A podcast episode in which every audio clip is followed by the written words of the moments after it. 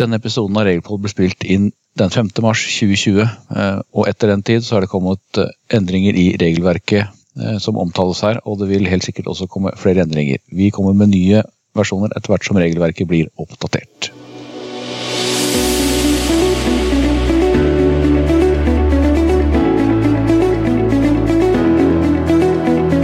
Velkommen til Regelpod, podkasten for deg som jobber med lønn og personal. I dag med Ivar Grøndal, og jeg heter Vanja Ramsrud.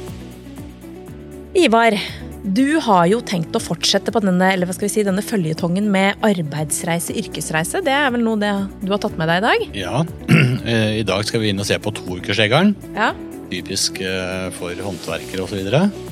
Uh, og så må vi se på noen satser, tenker jeg, som har kommet. Men eh, du har vel med deg noe òg, har du ikke det? Ja, jeg har jo laget en artikkel som gjelder rapportering av permisjoner. Det er jo noe de fleste arbeidsgivere må forholde seg til. Og da har vi sett litt på eh, når er det permisjoner skal rapporteres, for det er ikke alltid at de skal rapporteres. Det er noen krav der. Og så har vi sett litt på noen særtilfeller. Noe man kanskje anser for å være en permisjon, og som sånn man i utgangspunktet tenker man burde rapportere, men som faktisk ikke skal rapporteres. Så vi skal se litt på det, Ja. tenkte jeg. Eh, Vanja, før vi kommer så langt. Eh, nå er det der koronaviruset som brer seg rundt omkring. Eh, og det er vel litt spørsmål om eh, noen blir i karantene og snakker om sykepenger eller ikke sykepenger. Mm. Kan du si litt om det? Ja. ja, det er jo naturlig at det dukker opp noen spørsmål rundt akkurat dette her i disse dager. Eh, og det er sånn at eh, dette viruset, hvis man har fått det påvist eller man har mistanke om det, så, så vil man eh, i mange tilfeller ha rett på sykepenger. Eh, For det er faktisk sånn at hvis en lege vurderer at du må holdes isolert, enten fordi man kan være smittet, og da Altså det gjelder òg i de tilfellene der legen ikke er sikker, men der du har mistanke, Ja, så er det tilstrekkelig. For det at du da kan være smittebærer. Det er utgangspunktet. Ja, ikke sant? Du må ikke være syk. Nei, du må ikke være syk, men da vil det kunne gi rett til sykepenger. Du må selvfølgelig ha en sykemelding, det er eh, utgangspunktet her. Men da, da vil det kunne være grunnlag nok for å kunne motta sykepenger. Så da behøver du ikke direkte å være syk også for å motta, noe man vanligvis tenker at man må være. Eh, og Nav har jo lagt ut litt informasjon på sidene sine, og de sier jo også at Nav de godtar sykemeldinger også uten personlig undersøkelse. For det har vi også hørt at skjer i mange tilfeller nå, at de ikke vil ha folk inn på legekontoret. Sant? Og da er er det kanskje gjerne telefonkonsultasjon og lignende som gjør, at, eh, eller som gjør at man kan få en sykemelding. Og det vil Nav godta, og det gjør de i de tilfeller der det gjelder smittsomme sykdommer som er av betydning for folkehelsa, har Nav sagt på sine sider. Så det godtas også fullt ut. Ja, Ja. der er vel korona godt innafor. Det tenker jeg er godt innafor. Ja. Ja, øh, men du, øh, det er jo noen da som får litt sånn panikk. Eh, kan du skjønne at, at det blir det? Det er jo veldig haussa opp, dette her. Ja. Uh, som da kanskje ikke ringer legen. Jeg er egentlig ikke helt syk, men det kan jo være noen på bussen som har det. og Jeg blir hjemme, jeg. Mm. ja. Altså, Det blir ikke pålagt til lege, men altså, jeg tør ikke å reise på jobb. Jeg lager en, en karantene for meg selv. Ja. ja. Og det kan sikkert være lurt i noen situasjoner, det, altså. Sjølbestemt Eh, karantene. Ja, sjølbestemt karantene. Eh, altså en person som isolerer seg eh, på eget initiativ, uten på en måte å ha vært i kontakt med lege, og legen har på en måte anbefalt det, eh, de vil ikke ha rett til sykepenger som et utgangspunkt. Eh, for det kreves som sagt en sykemelding, og at det er en lege som har vurdert at du er i faresonen i så måte, da. Enten da som smittebærer, eller at du da selv er syk her i utgangspunktet. Så da vil du nok ikke ha rett på sykepenger, men jeg tenker jo at i sånne situasjoner, og i den situasjonen man er nå, at, at eh, man som arbeidsgiver òg bør tenke på alternative løsninger. Det er ikke sikkert at eh, man ønsker å ha folk på jobben, ikke sant? som kanskje ikke har vært vurdert av lege og kanskje ikke har funnet grunnlag for det, men allikevel eh, går og hoster og harker og snufser litt, Mm. og tenker at det kanskje er bedre å være på den sikre sida. Eh, Jeg holder meg hjemme i dag. ikke sant? Enten avtale da om hjemmekontor, eller at man kan godta f.eks. egenmelding fra den ansatte. ikke sant? At da, nå er det litt lavere terskel for å holde seg hjemme eller bruke en egenmeldingsdag. eller noe sånt noe. Så jeg tenker at eh, det er litt å hente der òg, da. At eh, man ikke nødvendigvis må ha en sykemelding for å kunne være hjemme. Men da er det klart, da er det jo ikke sykepenger det er snakk om. Da er det jo mm, Hjemmekontor så blir det vanlig lønn. Ja. Og klart, bruker du egenmelding, så vil det være sykepenger. Da, men vi er jo da innenfor arbeidsgiverperioden. Og det er kanskje også greit å poengtere her, da, uavhengig om du har sykemelding eller om du bruker egenmelding når det gjelder koronavirus, så vil det være vanlige regler for arbeidsgiverperiode som gjelder. Og det betyr da at eh, arbeidsgiver er forplikta de første 16 dagene. Uansett. Uansett. Ja. Ja. Eh, apropos koronavirus, det er jo annet virus, altså vanlig influensavirus som, eh, som fyker rundt omkring i Norge òg. Mm. Eh, og jeg hørte jo at man burde tenke seg godt om der òg i forhold til å gå på jobb hvis man ikke var helt i form. Altså Det må ikke bare være koronavirus som gjør at du kanskje holder deg hjemme. Nei, absolutt ikke. Eh, og at man eh, i forhold til si det vanlige, den vanlige eh, hva heter det, influensaen, Mm. Og nå bør dere altså kanskje holde seg hjemme, fordi det skaper også et press på helsesystemet vårt. Mm. Absolutt. Mm. Men du, Vanja. eh, Det er jo ikke bare at man er syk eller redd for å være syk som gjør at man ikke kan gå på jobb. Eh, Vi har jo en del tilfeller nå hvor man SAS var det siste jeg hørte her, eh, på tirsdag var det vel, eh, som vurderte å måtte permittere ansatte.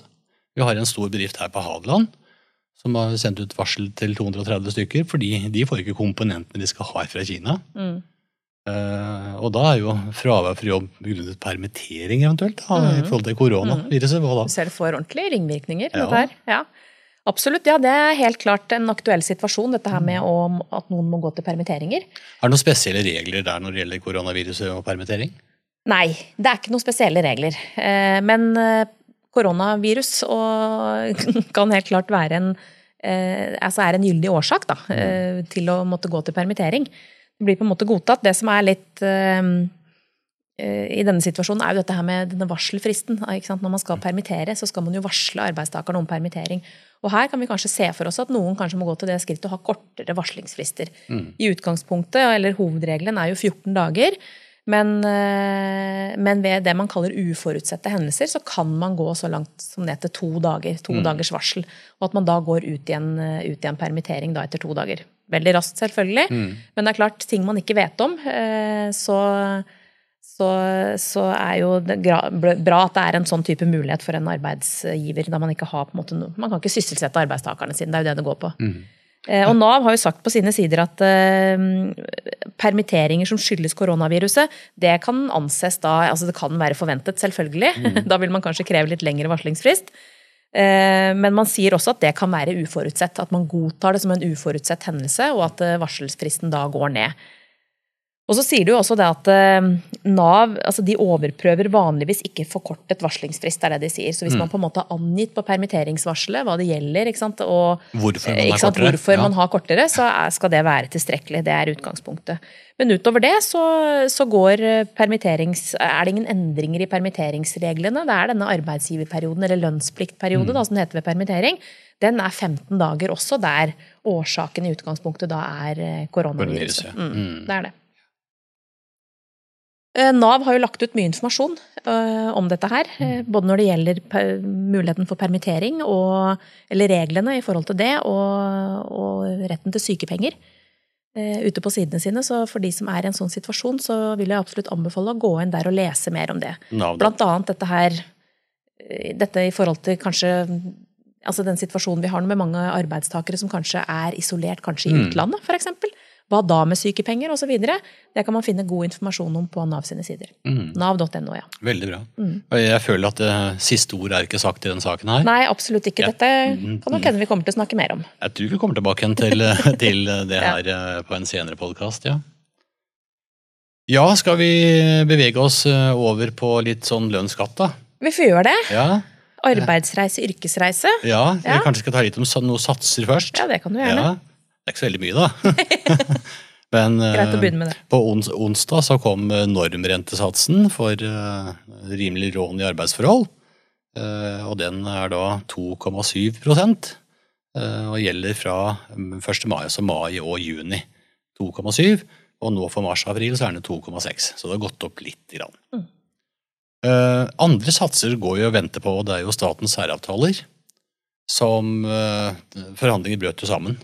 Eh, og så har man jo blitt enige om at eh, de satsene og, og, som gjaldt i 2019, skulle videreføres i 2020, til man blir enige om en ny avtale. Det har ikke kommet noen ny avtale. Og siste jeg har hørt nå, er at de, til slutten av mars så skal de inn i nye forhandlingsmøter. Så vi har nok ikke noen nye satser å meddele eh, når det gjelder reiseregulativene, før vi kommer ut i april, tenker jeg. Tidligst. Mm. Eh, Går vi to år tilbake igjen, så fikk vi det første sånn nemndkjennelse 22. juni. Ja. Så vi håper at vi kan bli enige nå, da, og at vi snart får det. Eh, så, ja, skal vi gå på det med yrkesreiser og arbeidsreise? Og jeg har jo sagt at vi skal snakke om toukersregelen i dag. Eh, og det betyr jo at Dette har jo betydning for både når du skal utbetale bilgodtgjørelse, om det kan betales trekkfritt eller ikke.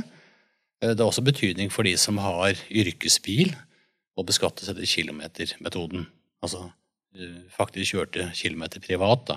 Og når det gjelder toukersregelen, så er det jo det Eh, når en ansatt reiser fra la oss si, hjemmet der han bor, da, og til eh, et eh, ikke-normalt arbeidssted, vil si et sted som man besøker en gang iblant, altså et ikke-fast arbeidssted, som det også heter.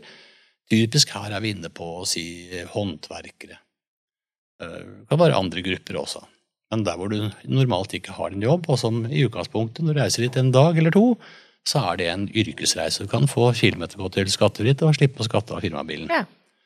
Eh, men så er det jo noen tilfeller hvor man blir lengre. Og da er det jo en sånn særregel som heter toukersregelen. Eh, og det betyr at reiser du til det samme stedet mer enn to uker, så blir det her arbeidsreise istedenfor yrkesreise. Så tenk deg at du skal eh, være tre uker hos en kunde. Du skal ha opplæring innen trygd og arbeidsrett. Vanja. Eh, så reiser du fram og tilbake fra der du bor og til denne kunden hver dag i tre uker. Da er det arbeidsreise fra første dag. Og hvis du får godtgjørelse for det, så er det skattepliktig i sin helhet. Så øh, kan jo du det regelverket nå, da. Så når du har gjort en avtale om å være i tre uker, så sier du du, jeg kan være hos deg to første ukene, men mandag uke tre, da er jeg nødt til å reise på jobben. Altså på, på kontoret og gjøre noe annen jobb og så komme tilbake ned på tirsdag i uke tre. Så fysisk jobb et annet sted avbryter tokeren. Og så starter du på nytt igjen da, f.eks. i dette tilfellet tirsdag uke tre. Og da er det jo yrkesreise hele veien. Ehm, så er det de tilfellene hvor du ikke fysisk eh, utfører jobb et annet sted. Det kan være at du avspaserer, du er syk, avvikler feriedager. Da er det minst fire dager. Ja, For at, uh, for at du skal starte, ja, for at ja. du skal få et brudd og starte på en ny periode. Så har det vært to uker, da, og så skal du avspasere på Og da teller jo ikke lørdag og søndag med hvis ikke det er vanlige arbeidsdager for deg. Så har du jobba to uker, da, og så kommer du til mandag uke tre. Tar en uh, egenmelding eller en avspaseringsdag eller to. Uh, så kan du faktisk ikke reise den samme kunden igjen før på fredag for å kunne starte en ny periode. Det må også være fire dager mer enn tre dager fraværende når det gjelder ferie, sykdom, men da, da, tenker du fire virkedager, på en måte? Da, eller ja. arbeidsdager? Arbeidsdager, arbeidsdager ja. Så skulle du normalt ha jobbet på lørdag og søndag, f.eks., ja. så ville jo de ha telt med. Ja, nettopp. Men eh, de arbeidsfrie dagene teller jo ikke med, mm. som utgangspunkt. Det var eh, litt om, om, Og det er viktig å ha med seg den her. Eh, så hvis noen lurer på hvorfor kom ikke rørleggeren på mandag, ja, så er grunnen her. Ikke sant? Det er sånn. ja. Ja. Um, jeg tenkte i neste regel på den. Nå snakka vi også i forrige podden litt om arbeidsreise og yrkesreise. Så tenkte mm. vi mm. om 14 dager så skal vi si litt om besøksreiser for pendlere. Mm. Så er liksom trilogien fullført. Ja, ja, ja, ikke sant. Ja, men du innleder jo også i stad, Vanja, med at du ville snakke litt om, eh, om, permisjoner. Ja. Eh, jeg har skrevet en artikkel denne uka som ligger ute på Community, og den, eh, den dreier seg om rapportering av permisjoner. Jeg tenkte Det er et tema som er litt interessant. Vi får en del spørsmål om det. Det, er jo fordi at altså permisjoner de, de er jo rapporteringspliktige i avmeldingen. Og, og, er jo for så vidt obligatorisk i alle ordinære og maritime arbeidsforhold. og Det betyr betyr at dette gjelder jo for de aller fleste. Man må forholde seg til permisjonsrapportering, rett og slett. Mm. Men her er det litt forskjellige typer. Eh, ja. Hvis ikke lest feil, så er det, er det fire forskjellige? Fire forskjellige. Eh, det var jo en endring som kom for et par år tilbake. Mm. der man, eh, altså for Permisjon har jo vært rapporteringspliktig lenge. Mm. Men for litt tilbake så fikk man jo dette her med at man delte opp, at man fikk mer spesifisert permisjonsrapportering. At det da ligger forhåndsdefinerte permisjonsbeskrivelser i avmeldingen som man skal bruke, litt avhengig av hva slags type permisjon det er vedkommende skal ha. Så det må man da forholde seg til når man skal rapportere. Men jeg tenkte litt sånn i forhold til eh, altså når er det det skal rapporteres permisjon? For det er jo ikke sånn at alle permisjoner skal rapporteres. For det første så er det jo, eh, er det jo et krav om at den må vare en viss tid før den er rapporteringspliktig. Og da har jo denne veiledningen til avmeldingen sagt at eh, rapporteringsplikten den forutsetter at permisjonen varer i 14 dager eller mer. Og det gjelder både sammenhengende og ikke sammenhengende permisjoner. Og det vil jo si da ved en delvis permisjon da, utover 14 dager, så skal perioden da oppgis med aktuell permisjonsprosent. Da vil du gjerne være i en situasjon der du har en ikke sammenhengende permisjon. Tenk deg en person som skal ha utdanningspermisjon i ti uker, men han skal bare ha permisjon én dag per uke. Mm. Da skal dette her angis i hele tiukersperioden som en 20% permisjon. Ja, og da vil vi bruke kategorien da som heter utdanningspermisjon, for der har vi faktisk en egen En en. egen for den, ja. ja. en egen for den. Mm. Så merk dere dette her, ikke sant? 14 dager, men det gjelder både sammenhengende 14 dager og ikke-sammenhengende, rett Mm. og slett. Så det er utgangspunktet der. Eh, Vi skyter med et lite spørsmål. Hva heter det når, eh, når du blir henta inn i militæret? Førstegangs... Det er ikke førstegangstjeneste, men sånn treukersvariant. Uh, repetisjonsøvelse. Ja. Nei, det burde jeg huske, jeg mann. uh, repetisjonsøvelse tre uker. Mm. Er det noe som skal rapporteres i anmelding? Ja, det vil da være på denne permisjonen ved militærtjeneste. Ja, den er egen, ja. Ja, det er en egen en. Eh, litt i forhold til dette her, mm, altså permisjoner. Hva er det som skal, eh, er det som skal rapporteres? Jeg tenker at det, det er litt greit å vite at det, det gjelder jo både lovfestede og ulovfestede permisjoner. Eh, det gjelder om det er lønnet eller om det er ulønnet.